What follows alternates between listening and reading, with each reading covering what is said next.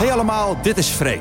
Wat super tof dat we samen op deze expeditie gaan naar de allermooiste plekken van de oceaan. Ben je er klaar voor? Zorg dat je je koptelefoon opzet, dan weet je zeker dat je niets mist. Luister mee en sluit je aan bij Expeditie Oceaan.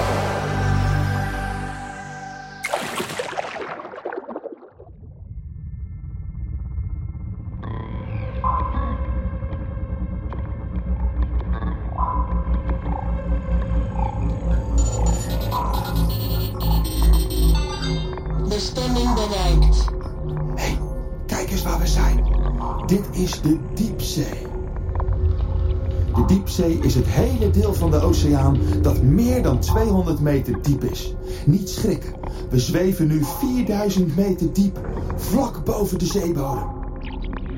Het water is inktzwart en ijskoud, want zo diep kunnen zonnestralen niet komen.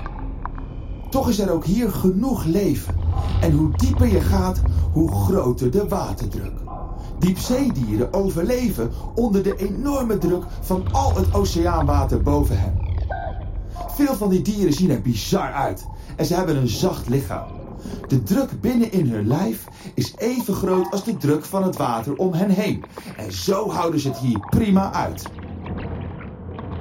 Even een lampje aandoen. Lampen actief. Zo. Wat ziet de bodem er spookachtig uit. Kijk dan. En het is echt alles behalve leeg. Let op meerdere levensvormen in de buurt. Ja, daar. Ik zie wat slakken kruipen. En wormen die zich ingraven. En daar staat koraal. Ja, echt waar. Koralen groeien niet alleen in ondiepe delen van de oceaan, maar ook hier. Dit zijn zogenaamde koudwaterkoralen. Deze koralen maken geen harde rotsen, maar lijken op veren, waaiers of zelfs bomen.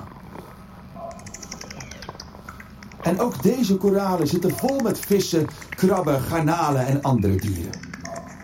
De koraalpolypen hebben geen zonlicht nodig om te groeien. Ze vangen plankton met hun tentakels. Ja, alles hier beneden is bedekt met een laagje sneeuw. Nee, geen echte sneeuw. Het is geen bevroren water. Het klinkt een beetje vies, maar zeesneeuwvlokjes zijn drollen. Stukjes dode dieren, planten en ander organisch afval. Dat dwarrelt allemaal van boven langzaam naar beneden. Kleine korreltjes klitten samen en worden grotere en zwaardere vlokken. Ze vallen sneller de diepzee in. Maar veel van die vlokken halen de bodem niet eens. Ze worden onderweg opgegeten door plankton, kril, vissen, garnalen of kwallen. En die poepen natuurlijk zelf ook weer. En zo maken ze ook zelf nieuwe zeesneeuw. Het is misschien wel het meest gegeten voedsel hier in de diepere lagen van de oceaan. Holy moly. Nou, geef mij maar een bordje stampot. De oceaanbodem is trouwens niet overal zo plat als een pannenkoek. De vlakten worden omgeven door heuvels, valleien, bergen en spookachtige diepe donkere troggen. Er zijn meer mensen in de ruimte geweest dan in die troggen. De diepste, de Marianentrog, is ongeveer 11 kilometer diep. Kan je je voorstellen? Als de Mount Everest, de hoogste berg op het land, in deze trog zou passen, zat de berg nog steeds meer dan 2000 meter onder water. Wauw. Oh nee, mijn zaklamp gaat uit. Lampen uit. Ik kan geen hand voor ogen zien.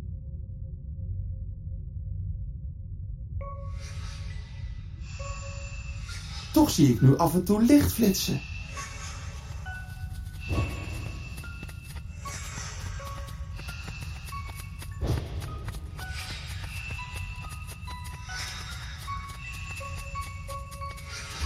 Wauw, het is net een onderwater vuurwerkshow.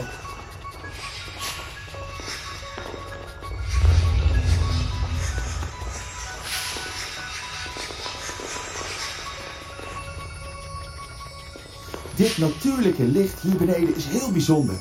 Er leven hier dieren die allemaal hun eigen licht maken. Dat doen ze bijvoorbeeld met een chemische reactie in hun lijf. Of met de hulp van bacteriën. En het zelf maken van licht noemen we met een moeilijk woord bioluminescentie. Zo proberen dieren een partner te vinden of roofdieren af te schrikken. Er zijn ook dieren die licht maken om op anderen te jagen. Diepzee-hengelvissen bijvoorbeeld. Diepzee-hengelvis-vrouwtjes hebben een angstaanjagende bek vol grote tanden en een soort hengeltje op hun kop. Daaraan hangen allemaal sprieten en een lampje. Vissen die dat licht kunnen zien, komen nieuwsgierig kijken wat er te zien is. Ze zwemmen steeds dichterbij, als ze maar geen sprietje raken. Nee, pas op! Bam! Te laat.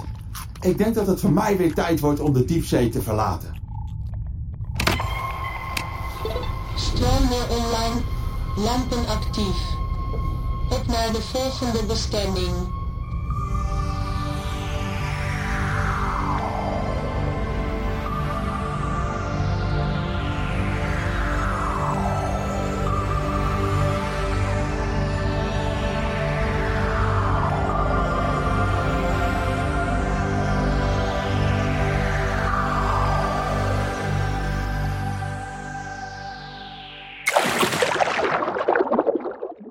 Ben je klaar voor de volgende ontdekkingsreis? Mooi, want er is nog heel veel meer te ontdekken met Expeditie Oceaan van Albert Heijn.